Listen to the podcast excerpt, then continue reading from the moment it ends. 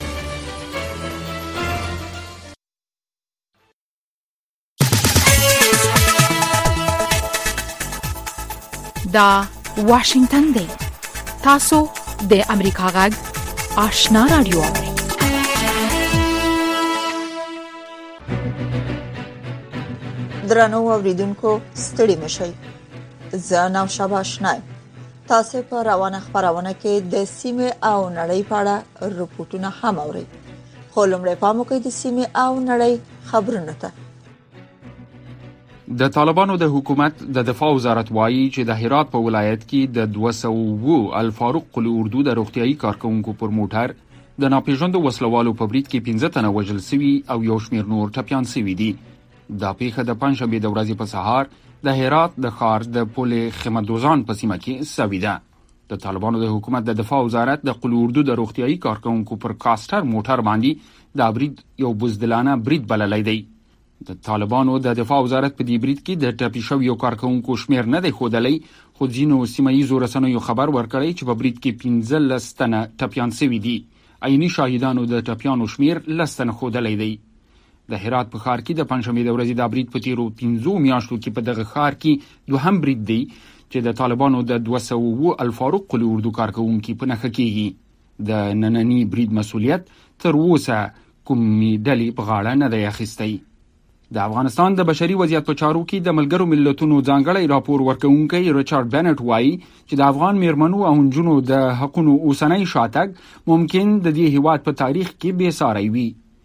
نوموړی چې تازه له افغانستان څخه ستون شوی او هلته یې له طالب چارواکو سره هم خبرې کړي پرون د چهارشنبې د ملګرو ملتونو په یوې غونډه کې وویل چې د تیرو شلو کلونو د لاسته راوړنو په نسبت دغه شاتګ د هغو شاتګونو په نسبت لوی دی چې افغان میرمنو او نجونو په 1999 میلادي کال کې تجربه کړی وو هغه کال چې طالبان د لومړي ځل لپاره واک ته رسیدلی وو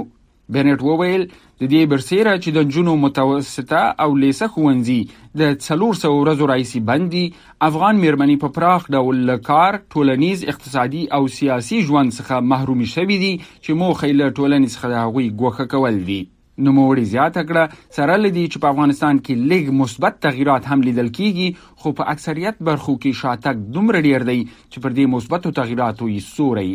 غوړولای دی د کاناډا د مهاجرت پناه ورکوونکي او تابعیت ادارې دغه هیواد ته له ګواښ سره مخ افغانانو د لیګ د بهیر په دوام ویلي چې پرون د چهارشنبه په ورځ شپږ سوه اته شپېته نور افغانان کډوال د پاکستان او تاجکستان څخه کاناډا ته ورسېدل د پنځشنبه په ورځ آی آر سی سی د کاناډا د مهاجرت پناه ورکونکو او تابعیت ادارې وویل چې 313 افغان کډوال له پاکستان او 350 نور له تاجکستان څخه په دوو چارټر الوتکو کې کاناډا ته ورسېدل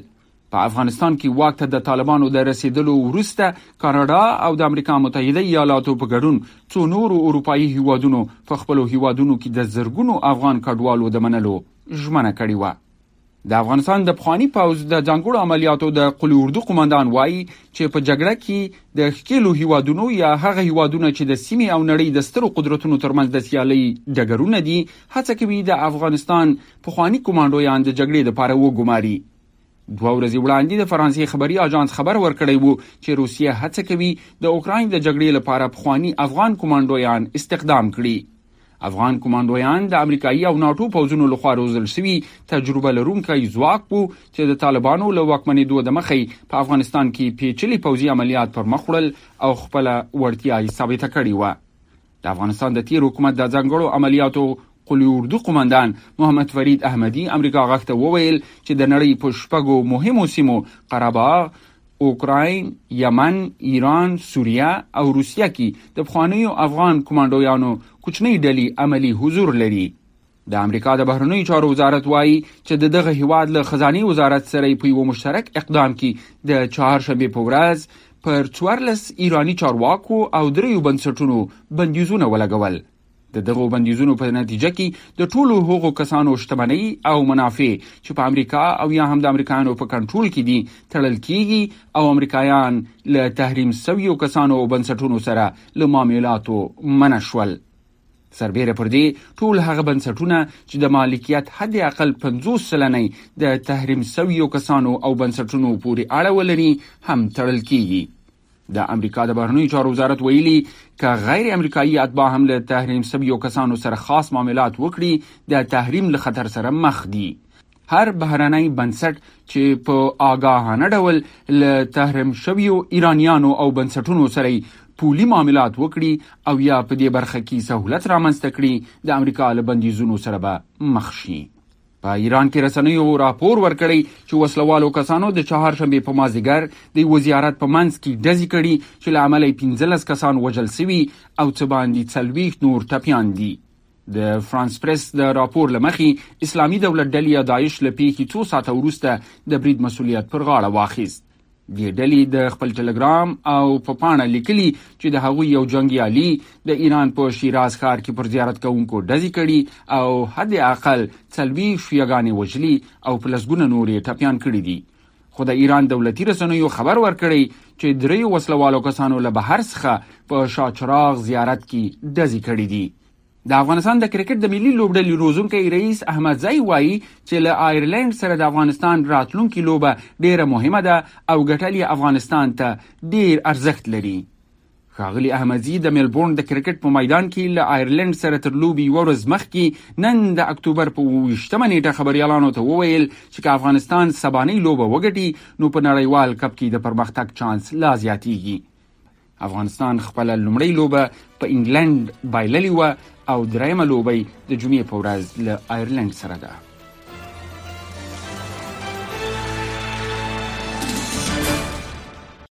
د سیمې او نړۍ خبرونه مو واوریدل په هغه موقع د سیمې او نړۍ په اړه رپورټونه ده د افغانستان د بشري وضعیت په چارو کې د ملګرو ملتونو ځانګړي راپور ورکونکي ریچارډ بنټ وایي چې د افغان میرمنو او جنو د حقوقو اوسنۍ شاتک ممکن د افغانستان په تاریخ کې به ساري خاغلی بنت په ملګرو ملتونو کې یوې غونډې ته ویلي چې څه باندې 300 ورځې وشوې چې له شپږم ټولګي نه پورته نجونې ښوونځیو ته نه ځي او افغان مېرمنې په پراخ ډول له کار، ټولنیز، اقتصادي او سیاسي ژوند نه بې برخې شوې دي. خو طالبان وایي چې د ملګرو ملتونو ځلې راپور ورکوونکي د ادعاګانو پر بنسټ راپورونه جوړوي. د افغانستان د بشري وضعیت په اړه د ملګرو ملتونو ځانګړي راپور ورکوونکی ریچارډ بنټ وایي افغان میرمنو د هیواد په تاریخ کې په بې سره توګه شاتګ کړی دی خغل بنټ وایي د تیرو شلو کلونو لاسترونو ته په کتو دا شاتګ تر هغه شاتګ لوی دی چې افغان میرمنو او جنو په 1999 میلادي کال کې تجربه کړې وو هغه کال چې طالبان د لومړي ځل لپاره واک ته ورسېدل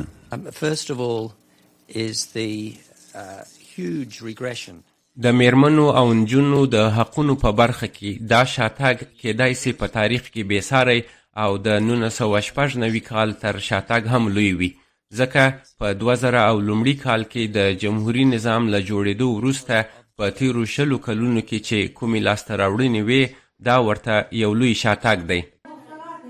ښاغلی بنټ وايي، سربېره پر دې چې د نجونو منځنۍ او لېسې ښوونځي د څلور سوه یو ورځو راهیسې بند دي، افغان مېرمنې په پراخ ډول له کار، ټولنیز، اقتصادي او سیاسي ژوند څخه بې برخې شوي چې د دې کار موخه له ټولنې څخه د هغوی ګوښه کول دي. د هزاره ګانو په ګډون ډیری اقلیتونه شکایت کوي چې نه یوازې په سیاسي توګه بلکې له اقتصادي اړخه هم منزوي شوي او د کار څخه بې برخې شوي دي. هغوی خپله او یو شمیر نادولتي ادارو راپور ورکړی چې له هغه وخته چې طالبان واک ته رسیدلي په حکومت او په سیاست کې د دوی ونډه له منځه تللې ده، په دننه هېواد کې بې ځایه شوي او په وړاندې یې تبعیض شاید تر دې هم زیات وي. یو شمېر مېرمنې هم د روان وضعیت په اړه اندېښمنې دي. یک سال است که دخترای افغان از رفتن به مکاتب محروم هستند در کنار از او بسیار خانم های هستند که معلمین هستند و به کارهای دیگه مشغول هستند اینا هم از کار و از زندگی معروم شدن و همه اینا کسای هستند که بیشترشان شوارای خود و اولادای خود در جنگ از دست دارن هم اینا هستند که نانوار خانه هستند اگر که آقای ریچارد همکارایشان از نزدیک برن و اوضاعشان بررسی کنه و ببینن که در چه حالت به سر میبرن و بعد از او یک راپور درست سمی و بسری هم درست کنن تا مردم او را دیده بتونه د ملګرو ملتونو ځانګړي راپور ورکونکي ریچارډ بنټ همدارنګه وویل چې په باغلان، کاپیسا، پنشیر، تخار او بدخشان ولایتونو کې طالبانو او د هغوی د مخالفو وسلوال ډل ترمنځ نښتې روانې دي او متعدد معتبر راپورونه د اسیرانو د ناقانونه وژنو او د بشري او نړیوالو قوانینو څخه جدي سرغړونو ته اشاره کوي د ملګرو ملتونو راپور ورکونکي زیاتوي لمه میاشتې را پدې خو د مطبوعاتو ازادي د پخوا په پرتله ډیره کمه شوې او د طالبانو چارواکو سره د مخالفت او انتقاد ځای نشته لدې ټول سره سره طالبانو په تازه اعلامیه کې ویلي چې د ملګرو ملتونو راپور ورکونکي د ادعاګانو او ټولنیزو رسنیو د معلوماتو پر اساس راپورونه چمتو کوي او وضعیت هغه شان نه دی چې هغه یې په اړه خبر ورکړي وحید فیضی امریکا غږ د امریکا غږ د آشنا رادیو په خپلو بیلو بیلو خبرونو کې د نړۍ د ګډ ګډ او د افغانستان په باب جامع بیطرفه او موثق راپورونه خبري د امریکا غږ د آشنا رادیو خبرونه مهیروي تاسو زموږ غږ د واشنگټن د سټډیو نه اوري یو شمیر سیاستوال په بهر کې د سولې او عدالت په نوم د نیوي غورځنګ پر جوړېدو نیوکه کوي او وایي چې دا چیرې ازمایل شوی او سني شعارونه له تیر فعالیتونو سره په تضاد کې دي خو ځینې نور بیا وایي چې هر افغان د سیاسي ګوند جوړولو حق لري د مخکنی ولسمشر ځانګړي استاذي اکرم خپلواک د یوې ځانګړې مرکې په ترڅ کې امریکا غا ته ویل چې په نوي سیاسي جوړښت کې یو شمېر شخصیتونه د درناوي وړ دي خو د څه کسان هم پکې شته چې اوسنی شعرونه د بخوانی سیاست او د ری سره په ټکر کې دي افغانستان یو نه هېریدونکو هیواد ده چې نړیواله ټولنه په دې عقیده وي چې د افغانستان ملت په یوازې توګه پریدي دلته د مهاجرتونو د غربت د مختلفو نورو ترهګرۍ تهدیدونو دا ټول کله چې یو هیواد کې اقتصادي بې ثباتي وي دا طبي خبره ده چې هغه سیاسي بې ثباتي هغه هم رامنځته کوي او سیاسي بې ثباتي مختلفو نورو پدیدو ته هم لار هواروي نو لاندې خطر نړیواله ټولنه مکلفیت لري چې د افغانستان د وګړو سره د افغانستان د ملت سره د داسې یو اقداماتو په چوکاټ کې کار وکړي چې افغانستان یو ثبات ته ورسیږي او د افغانستان بې ثباتي هم د سیمې لپاره هم د نړۍ لپاره به یو لوی تهدید وي که دا اوس افغانستان نور هم په اقتصادي لحاظ بې ثباته کیږي نو افراد او اشخاص هر څوک استخدامول شي یعنی بشري قوه په کافي اندازه موجوده ده چې هغوی د مختلفو ضرورتونو په بنا باندې استخدام شي او هم سیمه ته هم نړۍ ته یو تهدید مواجه کی که موږ یو باثبات نظام ولرو چې په اقتصادي لحاظ په خپل پو ولاړ وي او د نړیوال ټولنې د یو فعال عضو په توګه وي نو دا تهدیدونه به کم وي ولامدي خاطر د نړیوال ټولنې مکلفیت دا ده چې خپل رول ادا کړي او ملل متحد چې د ټولو نړیوالو ټولنې یو مشترک کور ده او افغانستان د دې کور یو برخه ده خپل مکلفیتونه ادا کړي تازه د ایران د بهرنیو چارو وزیر د افغانستان په چارو کې د پاکستان له ځانګړي استاذي سره لیدنه کې ویلي چې هواد د افغانستان په اړه د دغه هواد د گاونډیو هوادونو د بهرنیو چارو وزیرانو فوق العاده غونډه جوړېدو ته چمتو دی د طالبانو تر واکمنۍ لاندې افغانستان کې د ایران او پاکستان څه ګټې نغښتې دي دا یو لوی بحث ده افغانستان په یو داسې چاره کې واقع ده د افغانستان مختلف زیرمې د افغانستان مختلف برخې د دواړو هیوادو لپاره اهمیت لري په هر برخه کې او من توقع به ډیر ونه لرو ځکه چې هر هیواد هر کور اول خپل ګټې مهمه بولی د خپل کور د ګټو لپاره اقدامات کوي مهمه ده چې ایا من افغانان خپل ملي ګټې څنګه ترسیمو او د غوی نه څنګه دفاع کو او د غوی لپاره څنګه په نړیوال سټیج کې دریګو او څنګه خپل ملت واحد ساتلی شو تر څو پورې چې د یو مقابل درناوي پرنا کې د نورو هیوادونو سره تعامل وکړو ځکه نړیواله ټولنه نن یو کلی لکه مثلا د یوکرین غمیزه ټوله نړۍ وخوروله او ټوله نړۍ ورته متوجه ده نن غمیزه په یو سیمه کې نه پاتې کیږي نو لامدې خاطر هم یعنی تاسو وایي طالبان د دې جوګه به یي چې د پاکستان او ایران په وړاندې د افغانستان او د افغانانو ګټې وساتي هیڅ حکومت تر څو چې ملت ورسره نه وي هغه په تنهایی باندې د د ټولو ملي ګټو هغه نشي کولای ځکه چې ملت ته چې حکومتونه ساتي چې ته هم په افغانستان کې حکومت ملت نه ساتلی بلکې ملت چې حکومت ساتلی د افغانستان قومونه دي د افغانستان مختلف قشرونه چې حکومتونه ساتلي دي او هر وخت چې د حکومت او د ملت ترمنځ فاصله راسي حکومتونه ړنګیږي نو بحث لومړی دا ده چې موږ څنګه ملت واحد کولی شو او په یو ملي برنامه باندې د هر هغه حکومت چې کله طالبان حکومت وي یا تیر جمهوریت یا راتلونکي حکومت وي چې ملت په څنګ کې وي بیا د هیڅ خارجي قوت کاغه سیمه ییز وي کنړیوال وي زور کې نه رسیږي په دې وروستیو کې پاکستانی چارواکي په داسې حال کې چې پر افغانستان د ترهګرو د پټنځای تورونه لګوي د افغانستان په استازولۍ د نورو هیوادونو د مشرانو سره خبرې هم کوي په دې اړه تاسو دریز څه دی ما مخکې اشاره وکړه چې من د ترهګری قرباني یو افغانان په تاریخ کې هم نه دي ثابت شوي چې چیرته ترهګرۍ ته تللي او پر تیرو شلو کالو کې هم په هیڅ بهرني هیواد کې هیڅ افغان تبع تر اوسه پورې په دې باندې نه نیول شوی چې هغه دې په نړیوال ترهګرۍ کې شامل وي موږ قرباني یو د افغانستان ولس د افغانستان خاوره د دغه ترهګرۍ قرباني د لامدي خاطر زمونږ غږم دا ده چې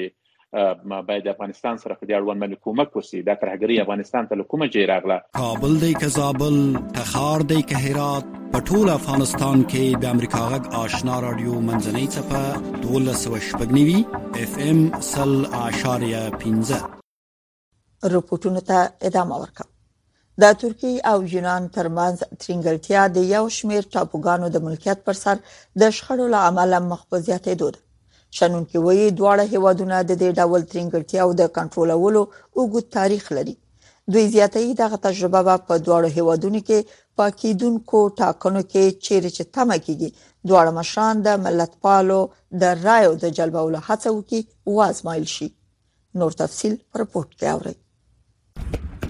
د ترکیې پوځ د خپلو کلنیو پوځي تمرینونو په لړ کې د یونان ټاپوګانو ته نږدې په اوبو او وچه کې تمرین کوي په ورته وخت کې یونان هم د خپل پوځ غښتلي کولو ته دوام ورکوي او ځان د خپل ترکي سیال کچې ته نږدې کوي دغه کار په داسې حال کې ترسره کیږي چې دواړه هیوادونه د ایجین او مدیترانې په سمندرګیو کې د یو شمېر ټاپوګانو د ملکیت په سر جنجال لري زما په نظر د ترکیې او یونان اوسنۍ اړیکې په سیاسي کچه ډېرې ترینګلې دي. علت یې د مدیترانې په ختیځه برخه کې په انډولونو کې بدلون او د ترکیې کورني سیاستونه دي چې د ملتپالنې پر اساس د بهرنۍ پالیسۍ د جوړولو لور ته تمایل لري.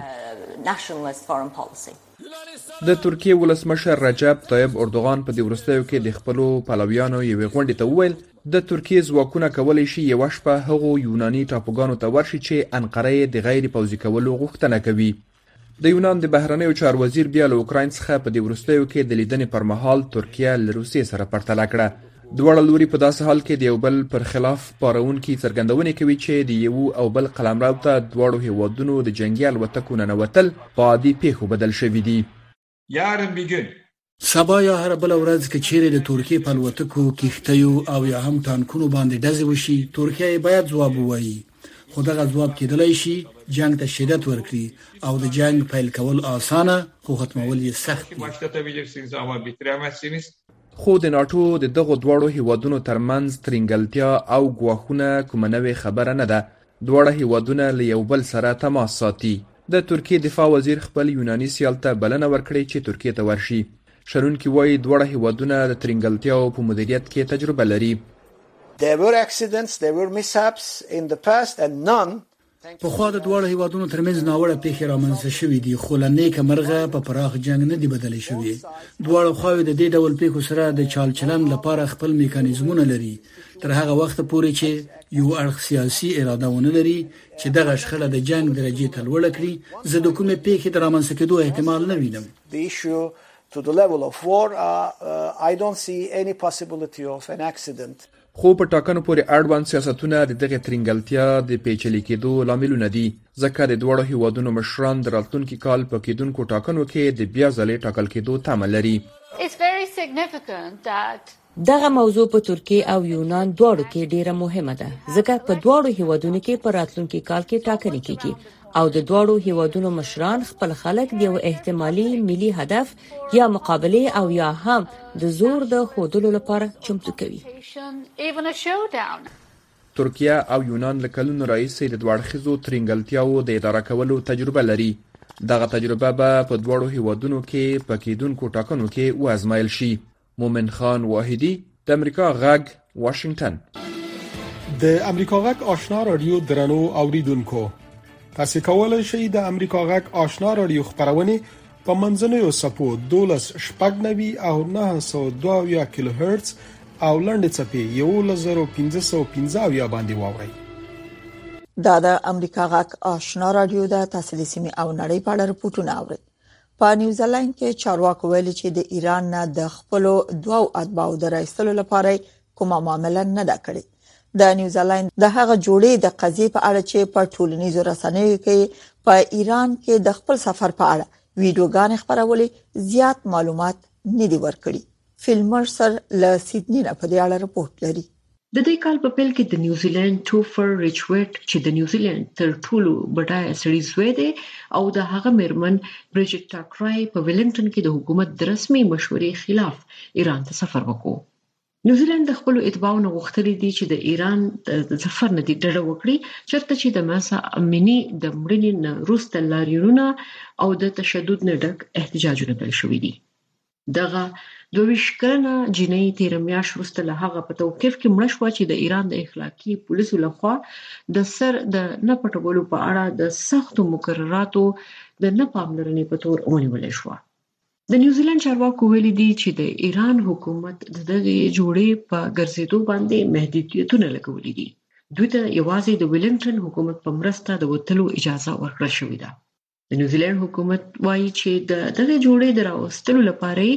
د ایران د حکومت سره کومه معامله نه ده کړې د نیوزیلند د بهرنیو چارو وزیرې نانیا مهوتا ویل لکه څنګه چې تاسو تصور کولای شئ او خلک په کار د ځانونو پوه کړی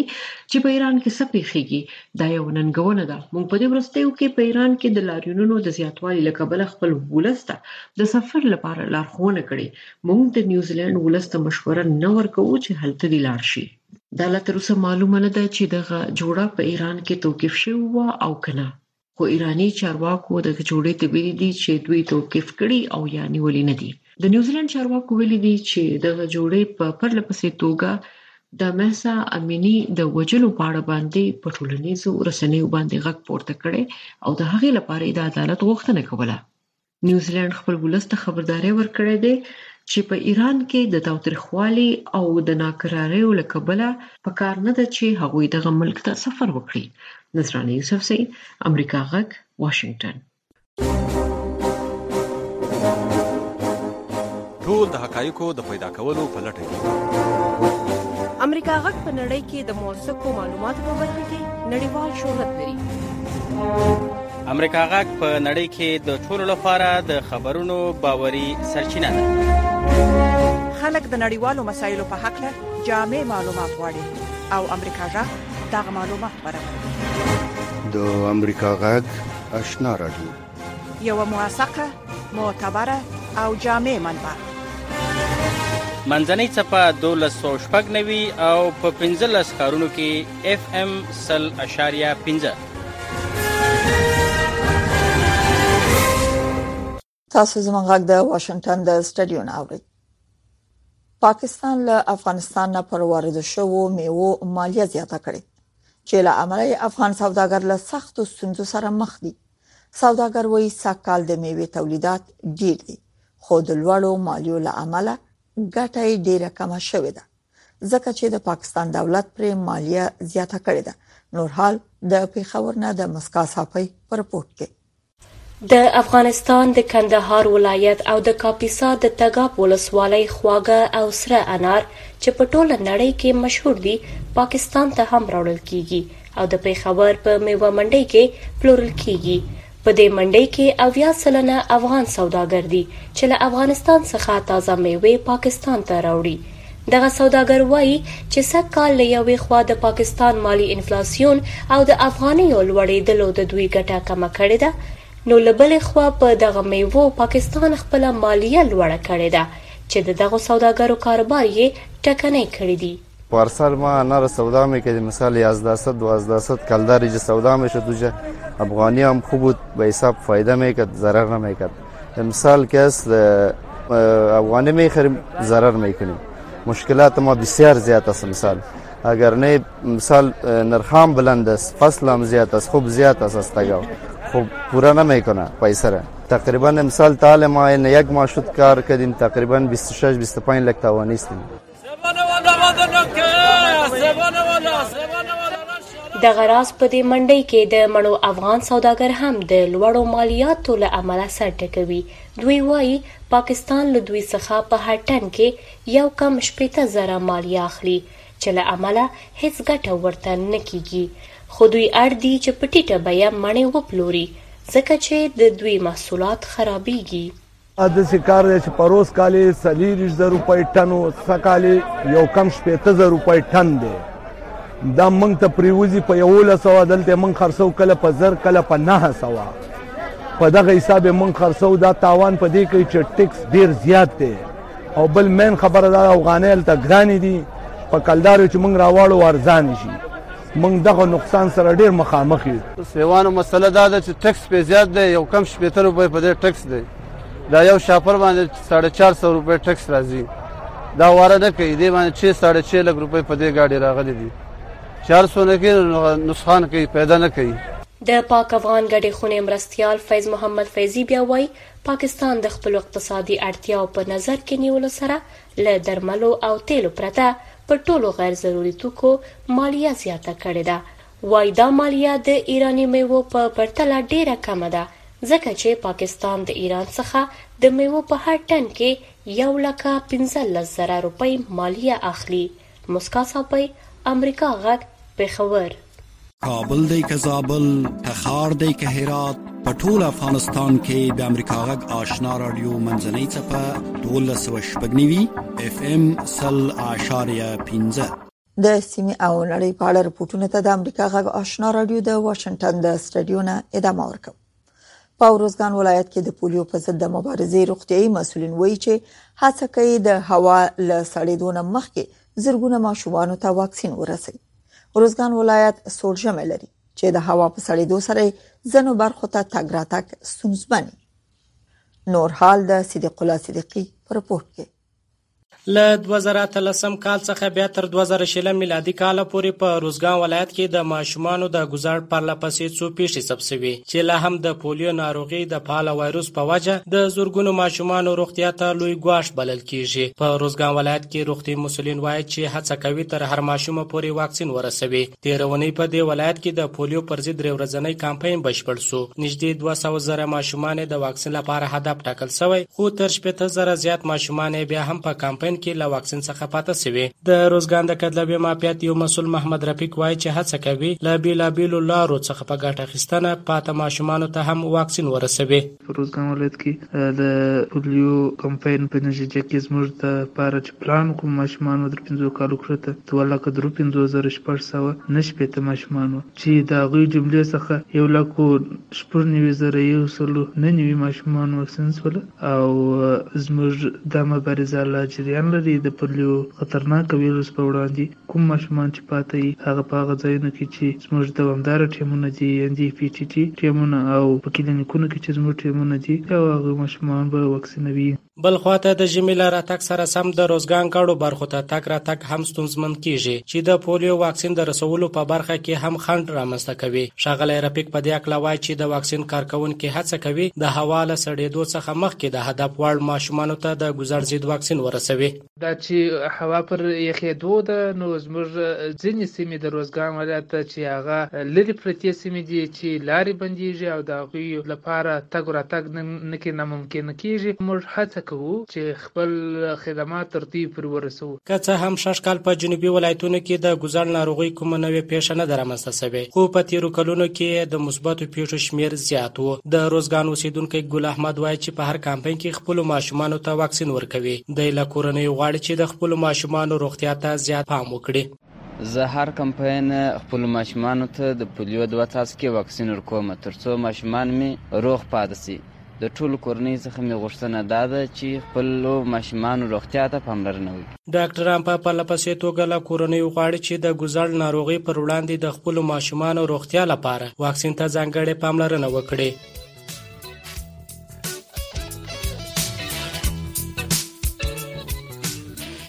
درنو اوریدونکو خبرونه په همدې ځای پای ته ورسیده مننه چې د امریکا غږ آشنا رادیو خبرونه اوري